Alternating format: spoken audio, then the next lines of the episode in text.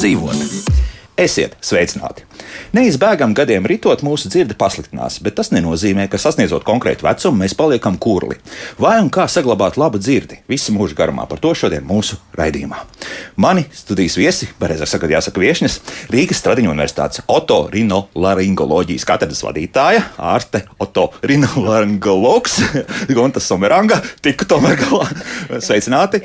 Un audiologs Rīgas Stradiņu universitātes docents Latvijas dzirdes centra vadītāja, bērnu dzirdes centra vadītāja, tā precīzi Sandra Kušķa. Labrīt! labrīt. La, dāmas, uzreiz jautāšu. Iedomāsimies ideālus apstākļus. Cilvēks dzīvo mežā, e, un e, to, ko viņš vispār nu, tā, no tādiem skaļākiem trokšņiem dzird, nu, pieņemsim, būs cirvjas skaņas, cērtot malku vai nu kādu naglu situāciju cienā. Kas notiek ar mūsu dzirdi? Tā tomēr regresē, vai, vai tad mēs varam uzskatīt, ka visu mūžu garumā mums ar dzirdi būs absolūtā viss kārtībā? Nu, pirmkārt, jau tomēr cilvēkam laikam ejot, visas funkcijas pasliktinās. Diemžēl, bet tā daba ir noteikusi. Un tā skaitā arī dzirde. Eh, bet, protams, ka ļoti daudziem faktoriem, kurus jūs tikko minējāt par mežu, par klusām meža šalkām, tas viss ir veicinoši un vēlams cilvēkam, jo, kā mēs zinām, gan šī vidas piesārņojuma faktori, gan arī dzan, eh, trokšņi, skaļas skaņas, ēšana, ko mēs apēdam, kā mēs guļam, cik mēs stresojam. Tie ir tie galvenie faktori, kas veicina um, nu, tā saucamo šūnu novecošanos, aizsargspēju barjeru mazināšanu, un tas var novest pie vājdzirdības.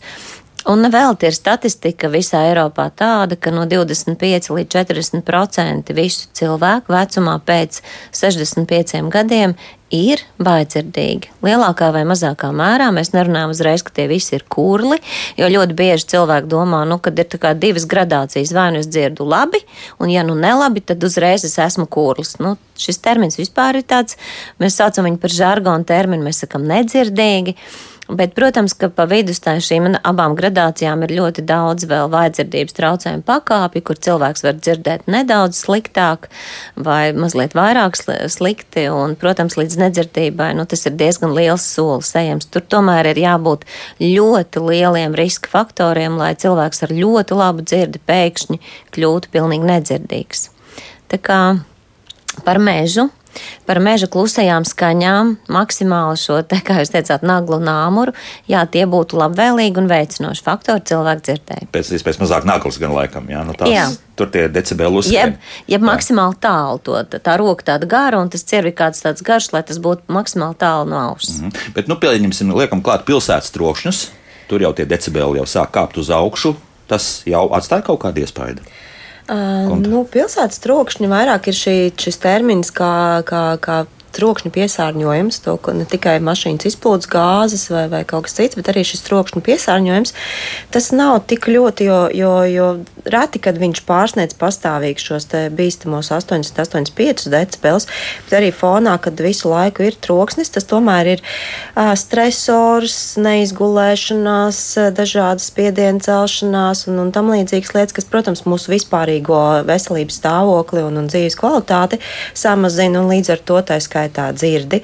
Tas, kas ir otrs, tad, tad vairāk no mūsu dzīvesveida ir šie trokšņi, kas ir apkārt, nu, nevis tikai fonā, bet, bet mērķiecīgi. Tātad darba vidē visbiežākais, kas ir arī mājas vidē. Ļoti bieži es redzu cilvēkus, kas darbā strādā rūpnīcā, zina, ka tur ir ļoti augsts trokšņa līmenis, tur lieto pareizi aizsarga austiņas, bet mājās viņiem ir hobiji dažādi, tāpat ar dažādiem cirviem, zāģiem, urbiem. Zāles pļaušanām. Un tur nav. Un tur nav, jo tur redz tas, ja tas rada prieku, tad it kā tas nav kaitīgs. Vai tā pati mūzika. Mūzika ir ļoti skaista, viņa rada mums daudz prieku, bet arī, ja viss skaistākā mūzika, ja viņa ir pārāk skaļa, viņa bojā dzirdi. Bet uh, mēs kaut kā varam noteikt, cik skaļi austiņās drīkst klausīties. Un arī, pieņemsim, ja mājās ir kaut kāda audio sistēma, tāda lielāka, mm. tur jāņem ir tiešām kaut kāda lietotne, kas ir telefonā un mērīt nu, vismaz aptuveni tos decibelus. Nu, patiesībā jā, jo ir principā nu, visur definēti un pieejami šie skaņu, skaļuma ekspozīciju laiki. Un tā aritmētika ir tāda gaužām vienkārša. uh, ir respektīvi, ja cilvēks lieto, ja cilvēks klausās skaņu, kur ir skaļāka par 89 decibeli, ja mēs tā ļoti skaļi runājam, sev 80 decibeli būs. 89 decibeli šī ekspozīcija ir pieļaujama divas stundas. Un tālāk tā aritmētika ir diezgan vienkārša. Katri 3 decibeli klāt, pasliktina vai pamazina šo ekspozīcijas laiku uz pusi. Nu, piemēram, ja mēs no tiem 89 skaitīsim plus 3, tātad tie būs 92, tā vairs būs tikai viena stunda, ko tu drīksti savu dzirdes orgānu noslogot. Tādā ja tie skaņumā, būs, ja? Mhm. jā, ja tie būs, nu, piemēram, 101 decibels, tas vairs ir tikai vispār 4 minūtes. Jā, līdz ar to, nu, ja tas, un, un daudziem, kā tikko kolēģi minēja, arī šīs zāģi un, un, un urbi, viņi viennozīmīgi ir visi 100 decibeli, un ja viņš tur visu dienu ir nolēms pavadīt pie šī agregāta, tad viennozīmīgi, principā, viņš rada sev vistiešākos draudus uh, vājdzirdības iespējamībai. Kas tur notiek tajā ausī, tajā brīdī, kad mēs pakļaujam ilgāku laiku tiem pašiem, nu, pieņemsim, 80 decibeliem? Ja? Kas, kas tur, kādi tie procesi ir, kas tur? Tātad tur ā, notiek šis oksidatīvais stress. Tātad, ā, lai, nu, ja vienkāršāk vispār, kas notiek ausī, auss, mums ir spēks. Tad mēs zinām, ka skaņa ir mehāniskas svārstības, ja, un iekšējā ausiņas pārvada elektriskos impulsos, kas tālāk aiziet uz smadzenēm, smadzenes analizē, ja, un tad jau veido šī sapratne, kas tā bija par skaņu, un, un arī valodas sapratne, ko teica, ja, un tā. Un, un šī veidā, kad ir šis ļoti lielā pārslodze, tādā šajā veidā, tajās iekšējās auss matiņu šūnās veidojas oksidatīvais stress. Tātad daudz brīvie radikāļi, daudz vielmaiņas gala produkti. Tātad notiek arī šī pārāk liela impulsācija, kas kaut kādā brīdī nu, veido šo šūnu izsīkumu. Ja, un tādā veidā tās sekas jau var būt arī neatgriezniskas ar laiku. Tad mēs sanāk, daudzām visu laiku par tiem matiņiem, tā sanāk dažādos veidos, vai kā to mēs pareizi formulēsim. Nu, sākotnēji, jā, protams, visa šī darbība notiek caur matiņu kustības, tas caur šo svārstību, kas ir tā skaņas mehāniskā vai akustiskā enerģija, jo, kā jau tikko kolēģi teica, iekšējā ausī ir šis fenomenālais mehānisms, kur mehāniska enerģija šūnas augšpusē tiek pārvērsta elektriskā impulsā, jeb elektrī, elektrībā, ja tā vienkārši var teikt, šūnas apakšējā daļā. Un tā šūna tiešām ir ļoti, ļoti unikāla šai ziņā. Un sākotnēji bojājums patiesi sāks ar šiem matiņiem. Un tas interesantākais ir tas, ka šo matiņu šūnu skaits, kuras ir atbildīgas par to mūsu dzirdi visas dzīves garumā, tā ir viena mazmazītiņa šūniņa. Un katra no šīm šūnām ir atkarīga par savas skaņas frekvences sadzirdēšanu. Un šo šūnu skaits patiesībā ir tikai 3500 no, no tā brīža, kad mēs nu, viņas uh, iegūstam. Jā. Mēs varam viegli zaudēt. Un ja? mēs viņus zaudēt varam viens un divi, un diemžēl ļoti bieži, un jāsaka, vairākumā gadījumu šie procesi ir neatgriezeniski.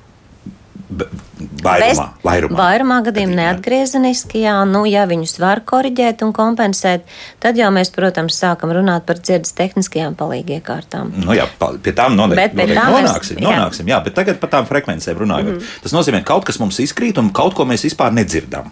Tā tas nozīmē, jā, ja mēs esam kaut ko jau sabojājuši, un ar, ar vecumu arī notiek tie paši procesi. Jā? Jā. Jā, Jā. jā tad, tad ā, viņām ā, ir tātad dubult, dubult risks, jo viens ir ar tas, kas ir šī vecuma, ar, ar, ar gadiem, visvairāk nolietojas, visvairāk mēs, saka, zaudējam šo augsto frekvenču uztveri, un visbiežāk arī šīs te, tad, kad ir trokšņi izraisītās dzirdes traucējumi, tad arī tieši, tieši visvairāk tiek bojāts šos te šūniņus, kas uztver augstās frekvences. Tad līdz ar to visbiežāk veidojas tāds, ka šos zemās, zemās dobjās eh, skaņas joprojām var labi uztvert, bet smalkās, eh, svilpjošās, pīkstošās skaņas nē. Un līdz ar to tas nevienmēr cilvēks to uztver, ka tiešām ir sliktāk dzirdu, bet reizēm tas rada šīs sūdzības, ka es visu dzirdu, bet es nesaprotu, ko man mm. saka. Īpaši fonā ir troksnis, vai jau vairāk cilvēku runā vienlaicīgi, vai, vai, vai tas pats tipiskais, ka vecvecāki reizēm saka, ka mazbērni neskaidri runā, jo viņiem ir mazas smalkas, nu tādas smalkas Valstiņas, valstiņas. Jā, Kaut gan patiesībā, jā. jā, ka, ka patiesībā viņi īstenībā nesadzird visas šīs skaņas, līdz ar to viņi nevar salikt viņus kopā un nesaprot, ko, mm. ko tieši saka. Jā, vai tas arī attiecas uz, teiksim, sarežģītiem vārdiem. Tādi, kas ir iegājušies diendienā, ir vieglāk saprotami, tik līdz ir stāsts vai kāds temats par nezināmu tēmu ar tādiem vārdiem, kuri varbūt ikdienā nav vairāk dzirdēti un lietoti. Viņi tā kā izkrīt un nu, nevar saprast, par ko ir stāsts. Nu, protams, ļoti bieži kuriozi, vismaz cik man ir bijuši pieaugušie vīrieši, tad viņi vienmēr saka tā, ka viņam ļoti laba diskusija sanāk ar savu dēlu, ar to var sarunāties kā ar cilvēku, bet sieva ar gadiem gan ir kļuvusi tāda nespatnāka, jo viņa ir tā iemācījusies runāt, ka nu, viņa speciāli runājot tā, lai neko nevarot saprast. Un tas ir Vistiešāk, kā strīd laikā jā, balss iet uz augšu. Un... Un tas, ne, nu vienkārši sievietēm ir spalgākas balsis, un jā. tas, ko teica Gunta, kad uh, izkrīt šī spalgo skaņu saklausīšana, viņa kļūst sliktāka, cilvēka runa kļūst tāda tā kā vienveidīga, tāda muļāta, jo, kā mēs zinām, spalgās skaņas burti ir šie mūsu latviešu valodā lietotie svelpeņi, tādi burti kā s, z, c, d, č, un latviešu valoda ir tāda interesanta valoda, kur mums gan arī katrs vārds beidzas ar s. Es tagad speciāli uzsveru, mm -hmm. un ja mēs nedzirdam šo s burtu, tad tā valoda ir tā, tā kā tāda vienmuļa putra, jā, jā, un tas ir tas, ko mēs teicām, kad cilvēkam šķiet, ka visi pēkšņi ir sākuši ar viņu runāt ļoti neskaidri. Jā, tāpēc runāt ar šādu cilvēku būtu vārdi jāatdala vienu no otra, jārunā skaidri, vārdus atdalot, nu tādā veidā atvieglojot šo klausīšanās procesu cilvēkam ar dzirdes traucējumiem. Aha. Bet vai to kaut kādā veidā, es saprotu, ka ar elektroniskām ierīcēm var labot kaut kādā? Jā, Bet, protams. Jā, ir, ir kaut kādas iespējas. Jā, Kā, jā protams. Par šīm elektroniskajām ierīcēm mēs saucam uh, cilvēkiem dzirdes aparātus, kas ir visbiežāk lietotā dzirdes tehnoloģija pasaulē.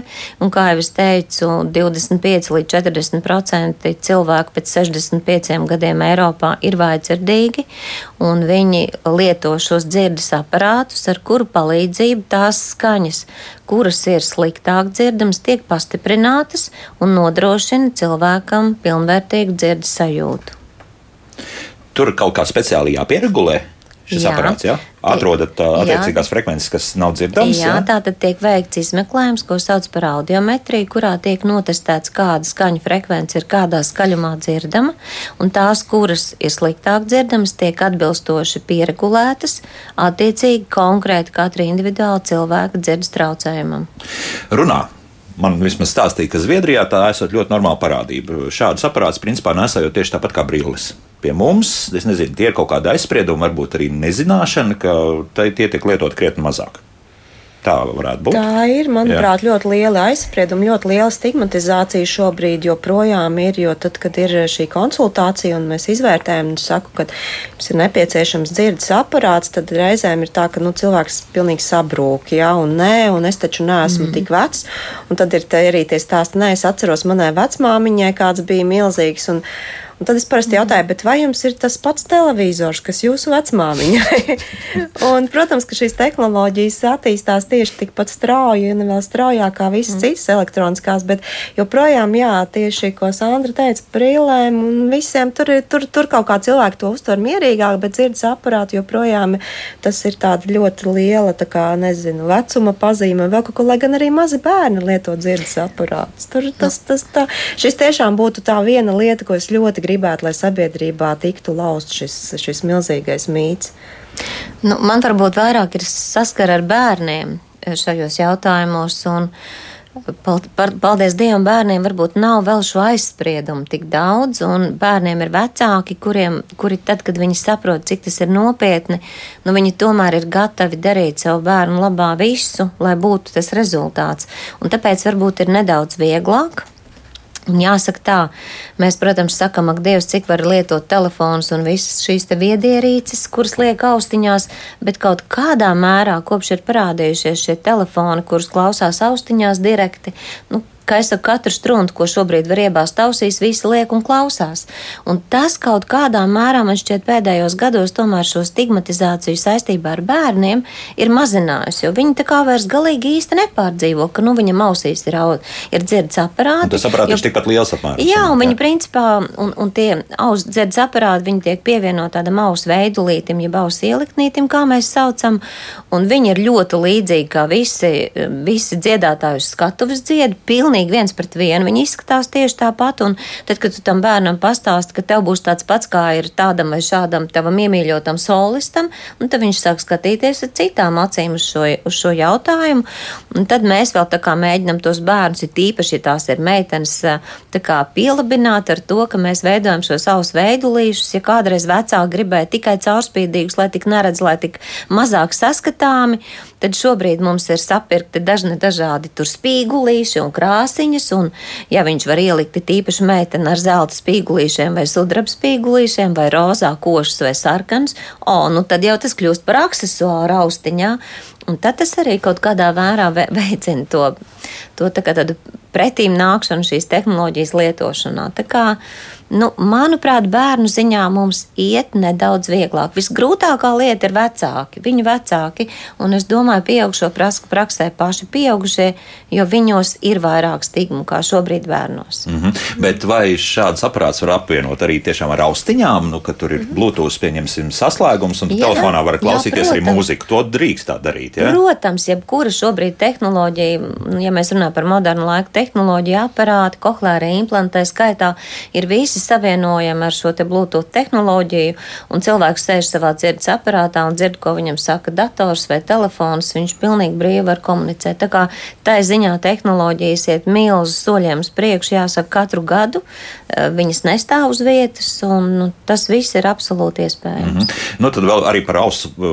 pastiprinātājiem, ja tā var teikt. Tā pavisam te ir lētais gals, kur, kur kā maksājot, kur arī lielveikalā varat nopirkt par 25 eiro. Ko jūs par tiem sakāt? Kas vienkārši par acīm redzot pastiprina apkārtējo skaņu. Neko labu. Neko labu tomēr, Viņi ir tikai vienkārši tā kā mikrofons. mikrofons. Jā, Viņu, jā. Bet, ja viņš ir kā mikrofons, un jūs pats uzdevāt pirmo jautājumu, vai viņus var atbilstīgi saregulēt cilvēka dzirdē, tad, protams, nu, padomājiet paši, ja jūs labi dzirdat zemo skaņu frekvenci, bet ļoti slikti spaugo un vidēji labi vidējo, tad pastiprinot visu, zemās frekvences jums būs tik skaļa, ka jūs teiksiet, ak, mans dievs, es to nelikšu.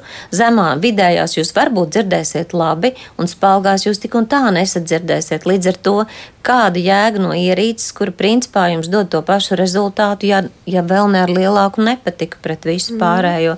Tāpēc jau arī nu, šāda aparāta, jā, ja tā, ja tā dzirde, ja mēs varam teikt, ir lineāri slikta, visas frekvences vienmērīgi sliktāk dzirdamas, kas ir gan reti sastopams, tad varbūt arī šādi pastiprinātāji kādam nodara, bet ne tais gadījumos, par kuriem mēs šobrīd droši vien diskutējam. Mm -hmm. Jā, jā. jā. Nekas nav, nav piebilstams. Tā, nu, mēs varētu iesākt arī to otru lielo sadaļu. Jūs jau pieminējāt stresu un, un tas dzīvesveids. Kā tas ietekmē mūsu ausis? Kur tad ir asinsspiediena dēļ vēl kaut kas, kas, Jā, kas? Protams, tāpēc, ka tāpat kā jebkuram ļoti smalkam orgānam, arī iekšējā ausī ir vajadzīgs, lai ir laba apasiņošana. Tas nozīmē, lai ir labs spiediens, tad lai nav par augstu, nav par zemu, nav šīs spiediena svārstības. Noteikti ir svarīgi apasiņošanai, lai tad arī skatāmies cukuru līmeni līmenis, holesterīns, viss pārējais. Jo nu, holesterīnu mēs ļoti labi zinām, ka ir kaitīgs sirds asinsvadiem. Bet vai tad jūs tā iedomājaties, ka tas holesterīns klaiņo pa mūsu organismu un šķiro šitos asinsvadus taisīšu ciet un šitos atkal pasaudzēšu? Protams, ka nē. Ja? Jā, tāpat tās cukura līmenis un, un, un tāpat tās, teiksim, tāpat mugurkaula veselība, ja caur, caur mugurkaulu iet šie te galvenie asinsvadi, kas apasiņo tālāk um, mugurējo galvas daļu un, un tā skaitā iekšējos. Kā tas viss iet roku rokā. Labs miegs, labs uzturs, pietiekami daudz vitamīnu, ja, tas pats. Jā, tas, tas pats D vitamīns. Tur, tur tas, protams, ka tas iet visu roku rokā. Jā. Labs jā. miegs, kādā veidā tas ietekmē? Visciešākā vai arī tas ir nu, es domāju, visciešākā fi fizikālā veidā. Jūs labi guļat, jūs esat horizontālā stāvoklī, nevis vertikālā. Un, kā es vienmēr saku, pa trubām labāk ūdens plūst horizontāli, nevis tā kā vertikāli. Tas nozīmē, jo tu labāk guli. nu, varbūt jā, tas tā ar, ar kanalizāciju būtu nesaistāms. Jā. Bet, protams, vienkārši tā apziņošana ir labāka un viņa ir ilgstošāka un tā galva dabūna vairāk to visu labo barības vielu nekā kā stāv stāvoklī. Tas nozīmē, ka mums sprāns arī pēc būtības ir uh, jātur labā stāvoklī. Jā, jā lai, tas, lai ko kolēģi teica, ka jā. jā, mugurkaula veselība ir ļoti svarīga. Tā kā visi šie faktori nekur mēs neaizbēgsim. Jā. Nu jā, un vēl jau vairāk kognitīvais, jo dzirde mēs, protams, no vienas puses eh, runājam tikai par iekšējo ausu, bet dzirde kā funkcija, tā ir arī smadzeņu funkcija, tā ir kognitīvā funkcija. Ne tikai sadzirdēt, bet saprast, analizēt un visu pārējo. Mm. -hmm. nu, jā, nu vēl ir šis teiciens, ka cilvēks jau patiesībā nedzird ar ausīm, cilvēks dzird ar smadzenēm, un ausis ir tikai vārti ceļā uz tām. Mums vajag to ausi labu, veselu, kārtu, skaistu un strādājošu, lai viņi šos signālus tālāk pa dzirdes centru, dzirdes nervu pārvadītu līdz dzirdes centriem smadzeņu garozā, un tikai dzirdes centri smadzeņu garozā ir atbilstīgi un atbildīgi par to, eh, ko mēs dzirdam, kā mēs dzirdam un ko mēs saprotam. Tā kā nu, šī veselība ir arī nesaraujami saistīta ar kvalitatīvu, ar dzirdes kvalitāti. Sevišķi jau mūsu klausītājiem, jā, kas tomēr radio klausās, nevis eh, šobrīd skatās, nu, pieņemsim, televīziju. Laiks mūzikai, pēc mūzikas turpināsim mūsu sarunu. Es domāju, ka pieskarsimies arī nu, tādām lietām, kur tomēr invazīvas eh, kaut kādas manipulācijas notiek ar ausi, jo izrādās, ka šobrīd tas ir, teiksim, tāda rutīnas jau operācijas, jā. mēs varam teikt? Ja? Tā Domāju, ka jā. jā, jā. Nu, par, to, par to nedaudz vēlāk. Tad nedaudz laiks tējai un kafijai, un būsim atpakaļ pēc 3,5 minūtēm. Kā labāk dzīvot? Jo mēs šodien runājam par mūsu dzirdi, kā to saglabāt pēc iespējas ilgāk labā stāvoklī. Tā, jo jau noskaidrojām, ka, nu, diemžēl, arī apkārtējā vide, arī stress un daudzas citas lietas, nesakārtotas mūsu arī veselības lietas, viss atstāja iespaidu arī uz dzirdi. Tā, diemžēl, pasliktinās šo dažādu apstākļu iespaidā. Rīgas Stradiņa universitātes otorinolaryngoloģijas katedras vadītāja ārsts otorinolaryngologs Gunta Sumeranga un audiologs un Rīgas Stradiņa universitātes docente Sāna. Sanda, Sandra Kušķa šeit studijā. Nu, lūk, un esam nonākuši līdz tādām nu, nopietnākām jau iejaukšanām mm, iekšā mūsu ausī, un proti visu praktiski var mēģināt atjaunot. Es saprotu, ieskaitot ar to, ka bungādiņas, ja pieņemsim, ir pārplēstas kaut kādiem iemesliem dēļ, tad tās arī var pa jaunu. Kā tas notiek? Tā, jā, bungādiņas, protams, kad atjaunot, bet uh, uzreiz pateikšu, ka bungādiņai diezgan maz saistība ar dzirdēšanu. bungādiņas, uh, jā, protams, gan varētu būt, ka traumas rezultātā bungādiņa plīst. Parasti gan, ja trauma, tad lielākā daļā gadījumu, absolūtā vairākumā gadījumu šī bungādiņa slēdzās atkal pati, bet uh, dažreiz ir nepieciešams arī, arī viņu aizlāpīt ciet, un otrs, kas ir šie kroniskie vidusavas iekaisumi, kad ir, ir, ir caurums bungādiņa bungādiņā, bet tad tas caurums bungādiņā ir tas, tas aizberga virsotnīt, un tā pamata problēma ir daudz dziļāk. Tā tad ir iekšā vidusausī šis iekaisums, hroniskais bieži, kas iet kaulā, kas arī destruē dzirdes kauliņus.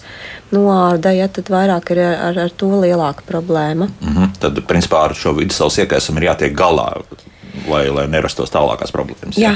Jā, bet šos kauliņus arī un uh, kāpslīšus visus varot, uh, kā man te čuksta priekšā, pirms kādu laiku jau pačukstēja, varot atjaunot, atkaļķot un, un arī tādas visādas manipulācijas veikt. Ja? Jā. Jā, tad parasti nu, pašus kāliņus ir, protams, ja viņi nav ļoti cietuši, mēs varam viņus vienkārši arī reizēm ir tie, tie notīrīt no augumiem, no rētaudiem, vai ir tā metode, ka mēs viņus pašus apliekam otrādāk un atliekam atpakaļ, bet lielākā vairumā gadījumā mēs aizstājam viņus ar mākslīgajām protēzītēm. Tas arī ir iespējams. Ja? Tas ir iespējams. Tā, tā mēs darām. Kas tie pa materiāliem? Kaut kādi polimēri, vēl kaut kas? Hidroksiapatīts un titāns. -hmm. Tad uh, tur ir dažādas kombinācijas. Hidroksapatīts ļoti labs materiāls, tāpēc, ka viņš ir ļoti līdzīgs kaulam. Un reizēm ir tā, ka ir ielikt tā protēze, un pēc kaut kāda laika nu, nāks citu iemeslu dēļ, piemēram, veikt vai revīziju, vai, vai vēl kaut ko. Tad es tajos gadījumos arī redzu, ka ļoti skaisti vidusaugas gļotādi ir apaugusi un ieaugusi iekšā. Tiešām tas hidroks apatīts viens ļoti labs materiāls, bet viņš atkal ir tāds ļoti ciets un robusts. Nevienmēr tikai ar viņu var atjaunot. Un tad parasti kombinācija atkal ar titānu kurš ir metāls, kurš ir atkal viegls un elastīgāks, un, un, un tad parasti ir kombinācija. Bet savukārt titāns atkal ir tāds, ka um, viņam ir jāliek papildus izolācija no ar, ar to pašu, teiksim, viņu nevar likt tieši uz bumplēvītes. Bumplēvīte ļoti plāna, savukārt tad varētu veidoties izkulējumi, tad mēs parasti liekam izolāciju tās paša cilvēka mazu skrīmšļa gabaliņu, teiksim, starp Aha. šos titānu un, un, un odarīti, jā, tā, tā kā tāda odarīti, jā. Un uzreiz gribu pateikt, ka titāni visus šos te Ja kāds vēl klausās, mans pacients, kuram es vienmēr visiem stāstu, kad ir ielikt šie kāliņi, ka tie ir magnētiski un droši viņi ne viņi pīkstēs lidostās vai veikalos, un visiem var nu, droši jā, veikt magnētisko rezonanci. Un es vienmēr to pasaku, un atkal šorīt man no rīta bija ēpastā jautājums, kad jūs man tur pirms diviem gadiem veicāt operāciju, vai es varu tagad veikt magnētisko rezonanci? Jā, var veikt, ja nevar veikt magnētisko rezonanci tikai tad, tad, kad ir veikts implants, ja koklērais implants, bet arī šobrīd ar jaunākajiem šiem implantiem var veikt magnētisko rezonanci noteiktās, noteiktās, jā, noteiktā stiprumā. Samazināt stiprumu. Jā, līdz ar to tiem visiem, kam ir vai, vai, vai būs kādās dzirdes kāliņu operācijas, tad droši nekādas tālākās sekas tas neatstāja nekādus ierobežojumus. Mm. Pirms pasmit gadiem nu, sākās tas cilmes šūnu uzvaras gājiens, un tad daudz teica, nu tagad mēs audzēsim arī dažādus kaulus un, un arī no cilmes šūnām tiešām un viss būs ļoti labi, sadarīgs un tā tālāk. Ir kaut kas uz to priekšu, kaut kas gājis, ka mēs varam no sev konkrēti izaudzēt varbūt šādu kauliņu un, un, un tādu ielikt. Un nevajag vairs uztraukties par titānu, teiksim, magnētismu vai nemagnētismu. Nē, bet es domāju, ka tur arī šajā virzienā tās cilmes šūnas nebūtu mērķtiecīgi, jo diezgan labi var aizstāt arī ar šiem mākslīgiem materiāliem. Reizēm viņiem pat ir priekšrocības, jo, piemēram, kroniski vidusceļa iekaisuma gadījumā ir um, izmainīta šī te, tomēr, uh, funkcija vidusceļa, teiksim, tā pati vēdināšanas funkcija vidusceļā. Līdz ar to šis mākslīgais materiāls reizēm ir noturīgāks. Viņš nevar atkal, mm. atkal teiksim, degradēties, degradēties vai, vai, vai kaut kur novirzīties. Savukārt, vienu brīdi bija tiešām mēģinājumi šīm iekšējā sausa matiņu šūnām, bet nu, šobrīd nekas tur tā mm, ļoti būtiski nav, pagaidām nav, kad, kad mēs varētu atjaunot, izaudzēt atkal matiņu šūnas. Aha, tātad šī brīža tehnoloģijas ir pietiekami labas. Ja? Tā, vēl par tiem, arī par implantiem runājot. Mm. Ko tas nozīmē un cik tas ir sarežģīti, un uh, arī nu, teiksim, darbības ilgums, mm. ko tas nozīmē? Nu, implanta, kohlēra implantā ir domāta galvenokārt un tikai diagnozē, ko mēs saucam par nedzirdību. Ja cilvēks nedzird un nav kompensējama šī dzirdes uh, sajūta ar dzirdes uh, aparātu palīdzību, tādā gadījumā cilvēkam tiek uh, ievietots kohlērais implants. Protams, ja viņš pats piekrīt šādai procedūrai. Un kohlērais implants viņš ir divu daļu um, tehnoloģija. Pirmā tehnoloģijas daļa ir tā, kura tiek ievietota pacienta galvas kausā, konkrēti iekšējā ausī, uh, operatīvas terapijas rezultātā, un to dara dr. Sumeraga. Uh, Stradiņa Kliniskā universitātes slimnīcā un dr. Kitija Dāna Bērnu Kliniskajā universitātes slimnīcā. Un pēc četrām, sešām nedēļām, uh, kad ir sadzījusi jau brūce un viss ir labi, tad pacients dodas pie mums uz Latvijas bērnu dzirdes centru, un mēs pievienojam klāt otru implanta daļu, ko mēs saucam par um, ārpusē vai galvas kausa ārpusē esošo implanta daļu, kura sastāv jau no skaņas procesora, kurš ir atbilstīgi bērnu dzirdēji jāregulē. Tas nav tāds viens dienas process, tas ir dažkārt um, gadu process, kamēr tu dabūni to optimālo klausīšanās programmu, ar kuru bērns var dzirdēt labi, jo dzirde ir. Pirmais nosacījums, lai cilvēkam varētu veidoties runāta valoda. Un, protams, ka mēs visi no šāda bērna un pieaugušā sagaidām šo kā, maksimālo atdevi un, un jēgu no implanta, tātad uh, labu verbālu valodu, bet jāsaka godīgi, ka ne visos gadījumos tas ir iespējams, jo tas ir un paliek tikai un vienīgi dzirdes implants, un šo dzirdes sajūtu viņš patiesi ir devis ikvienam, ik viens cilvēks, kur es zinu Latvijā vai pieaugušu vai bērnu, viņam ir iespējas dzirdēt, kā viņš analizē šo skaņu un kā viņš viņu izmanto, lai veidot valodu. Tas jau ir ārkārtīgi daudzu faktoru un nosacījumu kopums, sākot ar cilvēka intelektuālo attīstību, sākot ar cilvēka blakus saslimšanām, sākot ar laiku, cik ilgi tu esi bijis nedzirdīgs, jo, kā mēs zinām, ja tu kaut ko nestimulē, tad tas atmirst, un kā jau es teicu iepriekš, mēs dzirdam nevis ar ausīm, bet ar smadzenēm, tātad šī te neirāla aktivitāte smadzenēs samazinās, un jo viņa ir ilgāka, tā kā Nelietot, ja. vilkta garumā vai nelietota, jo to ir grūtāk izdarīt bērnu vecumā. Tā ir milzu atdeve un milzu darbs no vecāku puses, jo vecākam ir jāsāk ar šo bērnu pēc implantācijas gluži tāpat kā ar zīdaini runāt, jo Tev ir jārunā, jārunā un jārunā, jārunā skaļā, nu nevis skaļā, bet normālā balsī, jāpievērš uzmanība katrai skaņai, kas ir riņķī, jo šāds bērns mācās katru skaņu no nulles, un ja šis process ir veiksmīgs, tad, protams, mēs sagaidām to rezultātu, ko mēs saucam par runātu valodu, un, protams, var palielīties, ka mums ir ne tikai cilvēki, kur spēj dzirdēt, bet nerunā, bet mums ir arī bērni, kuri runā ne tikai vienā, ne tikai divās, bet pat četrās valodās. Un, principā, satiekot viņu uz ielas, jūs nekad nepateikt, ka pēc būtības šis bērns ir pilnīgi nedzirdīgs. Mm. Tas nozīmē no trokšņa. Praktiski bērnam ir jāsaka, saprast attiecīgas skaņas. Ja? Nu, nu, tas pats to, sākums ir troksnis. Ja? Nu, viņam pat ja? to troksni ir jāiemācās, jo viņam, jebkurā gadījumā, viņš dzīvo pilnīgā un absolūtā klusumā, un ik viena skaņa, kur ir riņķī, tev ir jāapgūst, bet tev ir jāpievērš uzmanība šai skaņai. Tev viņi ir nepārtraukti jāatkārto.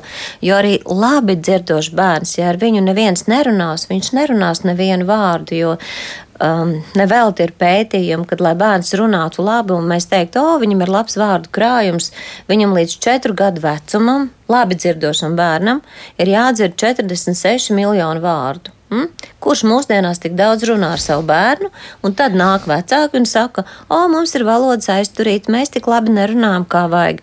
Nu, tad tu paskaties, kā vecāki reaģē. Nu, viņš tev to bērnu ir atvedis, apsēdinājis tajā beņķī un zibenī klāt pie telefona un pats skatās telefonā. Skaidrs, Ko tas jā. bērns runās? Un viņam ir jādzird šī telefona valodā runās, respektīvi neko. Vai angļu valodā? Jā, tas nu, arī. Tas tā, arī. Tā paklausīsimies, kāds klausītājs mums ilgi gaidījis. Lūdzu!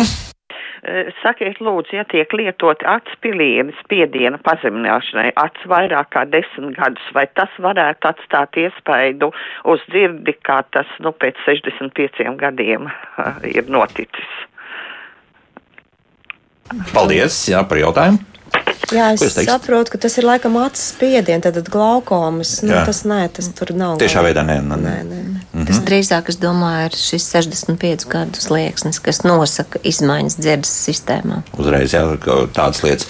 Nu, mums tagad, protams, sāka zvanīt uh, klausītāji. Nu, paklausīsimies vēl. Jā, lūdzu, jūs varat jautāt? Labrīt! Labrīt!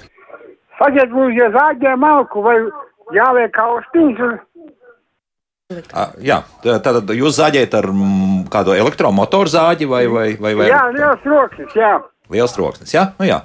Protams, Paldies. jā. Mhm, nu, es domāju, te mēs vien, vien, vienbalsīgi varam pateikt, ka viennozīmīgi.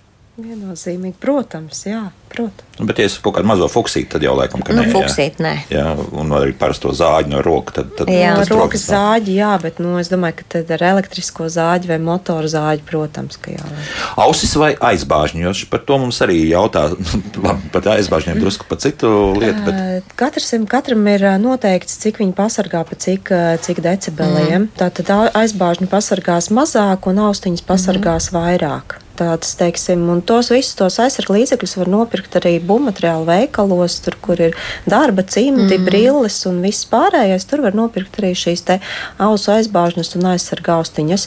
Nu, es jau, protams, ieteiktu labāk austiņas uh, lietot uzreiz, gan lielāka aizsardzība, gan arī nav mm. šis te ausu sejas kairinājums, kas veidojas no ausu aizbāžņiem. Gunta, vai tur ir kaut kāda korelācija starp to, cik tas maksā un, pieņemsim, kvalitāti?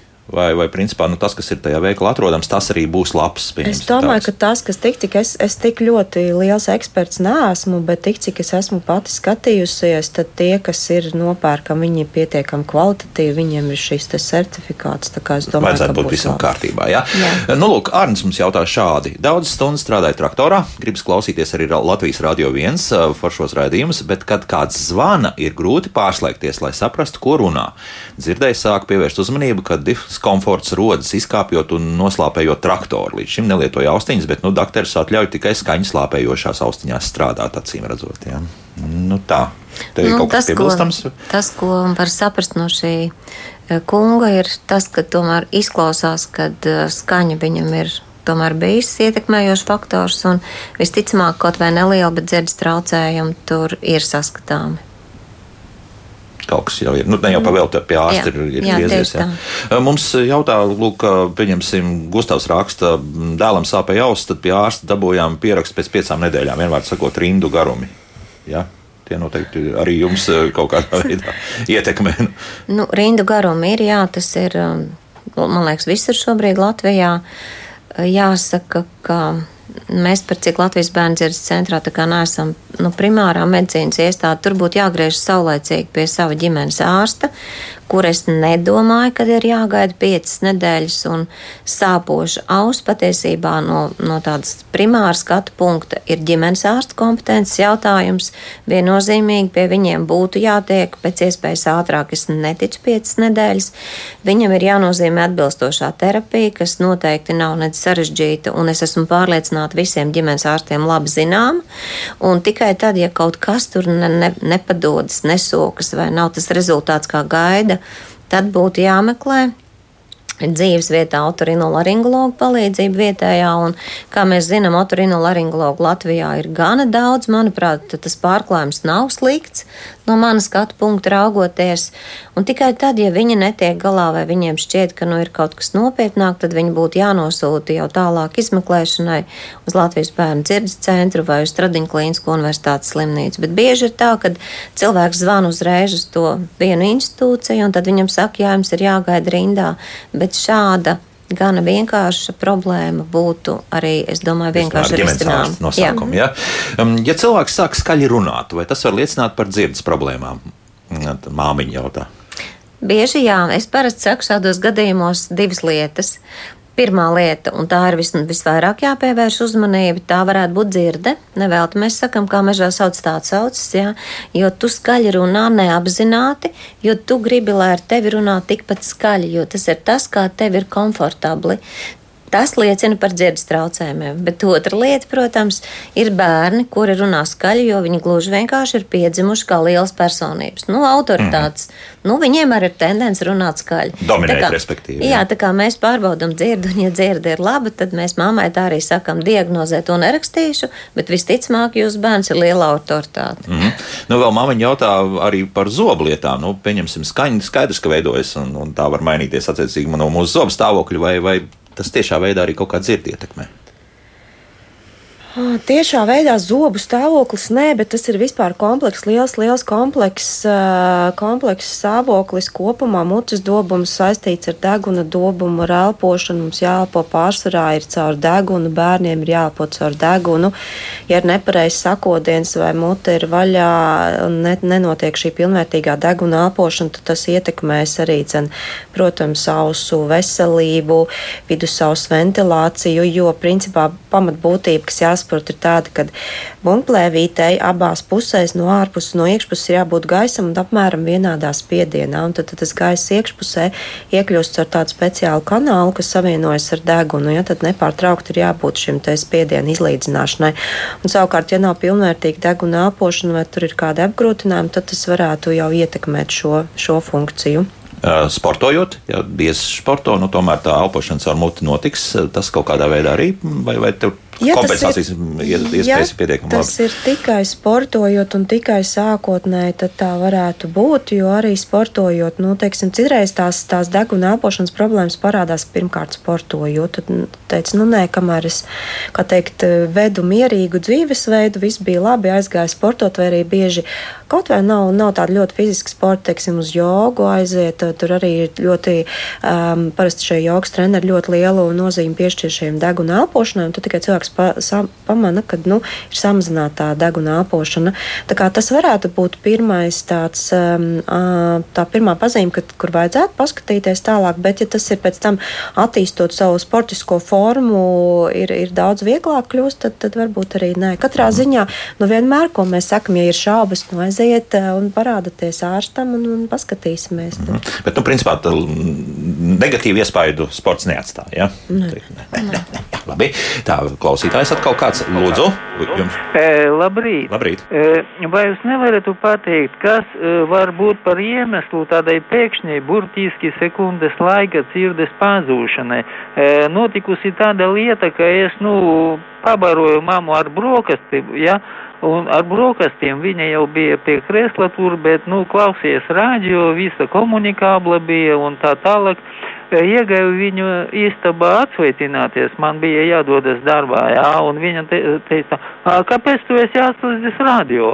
Es ne, neko neesmu skāris, jā, pieliku klāt pilnu skaļumu, bet viņa skatās tā neizprotoši, nē, ne, neko nedzirdu, jā, nu labi, kaut kas ar radio noticis, bet pēc tam es viņai nopirku bez vārda austiņas Wi-Fi, jā, pieslēdzu datoram, Un viņa, kad bija austiņas, tur pielika drusku klāt skaļumu, un viņa dzirdēja tās pārraides vēl ilgu laiku, bet, diemžēl, tas viss ir sakritis ar to, ko vīda Viļņi. Jā, es nevaru dabūt mājas nec speciālistu, nec viņu e, nogādāt tur pie speciālista, tur bija riski, viņa nebija vakcinēta. Tagad viņas vairs nav, bet ar iemesliem es nu, ne, neesmu ticis galā. Domāju, ka korki tas, tur. Ne... Atvainojos, bet tas pazud uzreiz un neatgriežas bu, burtiski mēs viņ, ar viņai runājām, jā, viņa tur brokastoja, viss bija skaidrs, viņa dzirdēja visu, un tur burtiski sekundes laikai, bah, un, un tas sakrita, ka es iegāju istabā, viņa domāja, ka es kaut ko tur esmu skāris. Nu, es neko neesmu mm. skāris, ru,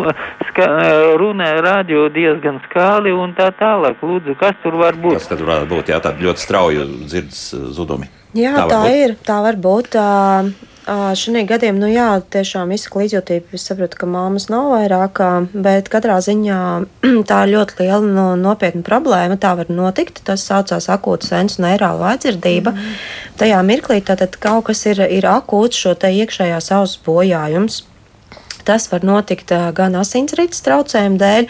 Nu, tas ļoti varbūt skaļi būtu teikts, bet, nu, teiksim, tā kā maziņš mikroinsultiņš tieši tajā asinsvadiņā, kas baro iekšējo ausi, kas parasti ir vecāka gada gājuma cilvēkiem, cilvēkiem, kuriem ir jau šie riska faktori.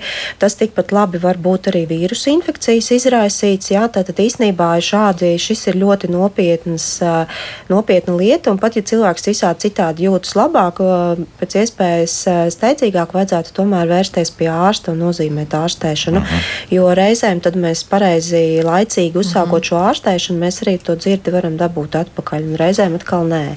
SARS-CoV-2 kaut kādu iespēju atstāja? Jā, ļoti. Jā atstāja. Jā, jā, arī tieši mēs runājam par šiem vīrusiem. Tieši, tieši arī tieši par šo akūtu, akūtu sensu neirālu dzirdes, dzirdes zudumu ļoti tieši, daudz bija. Un arī gripa, jāsaka godīgi, arī gripa ir diezgan. Siti, jā, pausiņ, jā. Gripa, jā, šogad arī bija smaga, mm -hmm. bet mhm. principā šis te Covid ļoti, jā, ļoti, ļoti mm. daudz bija pacienti, kuriem bija. Un, laikam, pareiz kolēģi teica, Gundu, kad uh, tie ir gadījumi, kad, ja te iepriekš dominēja šis termins piecas nedēļas, Ja šādi notiek, tad pie ārsta ir jāmēģina tikt, nu, jāsaka, godīgi nekavējoties maksimāli ātri šādā gadījumā pie šādām sūdzībām gaidīt nevajadzētu. Ne, ne dienu, nu, dienu, labi, bet noteikti pat jau ne nedēļu, kur nu vēl piecas nedēļas. Dēļ tā insulta riska, ka tur Nē, dēļ šādām sūdzībām, kad no rīta vakar dzirdēju un šodien no rīta nedzird pilnīgi neko.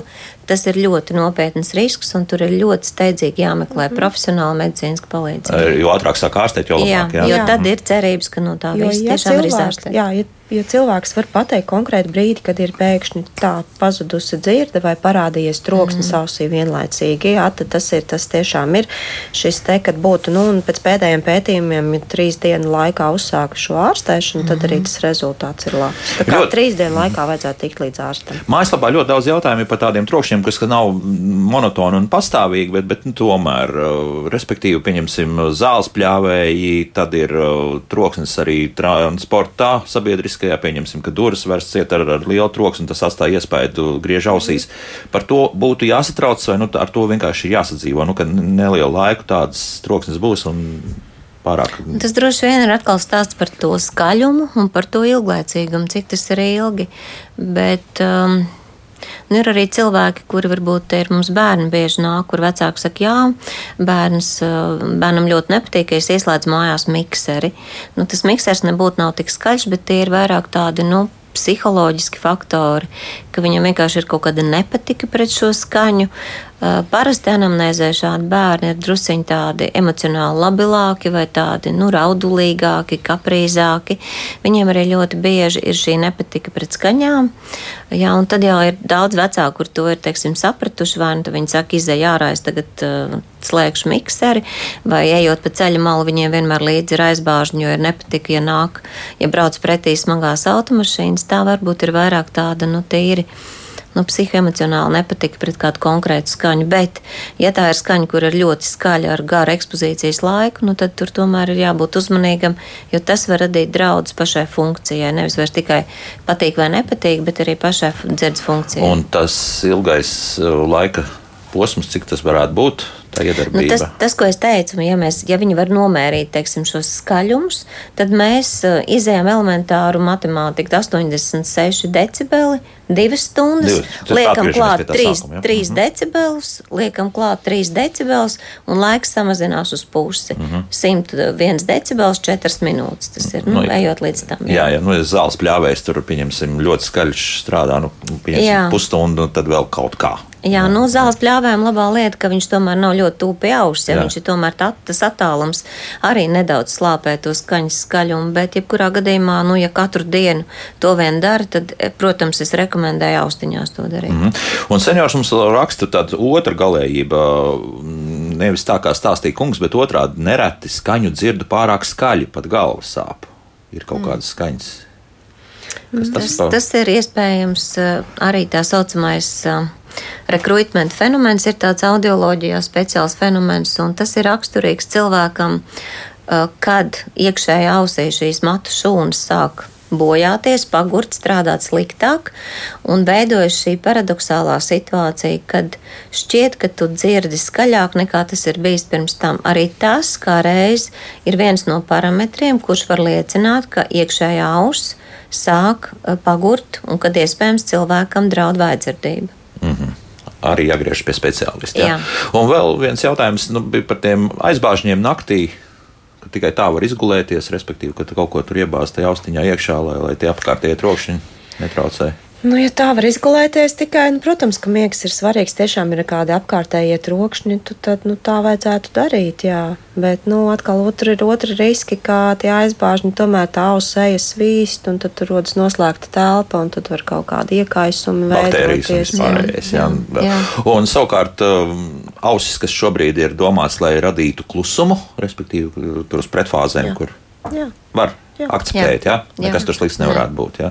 Nu, mums šodien jābeidz. Uz visiem jautājumiem nespējam atbildēt, un mēs pilnīgi mierīgi sēdētu visu nākamo stundu, vēl turpināt runāt. Bet es saku lielu paldies arī par jau labu ieskatu, kā mums saudzēt savus ausis un, un domāt par savu veselību. Kompleksi, jā, kompleksi domājam par to visu. Rīgas Tradiņu universitātes Oto Rinolaringoloģijas katras vadītāja ārstei Oto Rinolaringologam Guntai Samerāgai un audiologam Rīgas Tradiņu universitātes docentei Latvijas bērnu bērndzirdes centra vadītāja Sandra Kušķē par sarunu. Paldies, dāmas!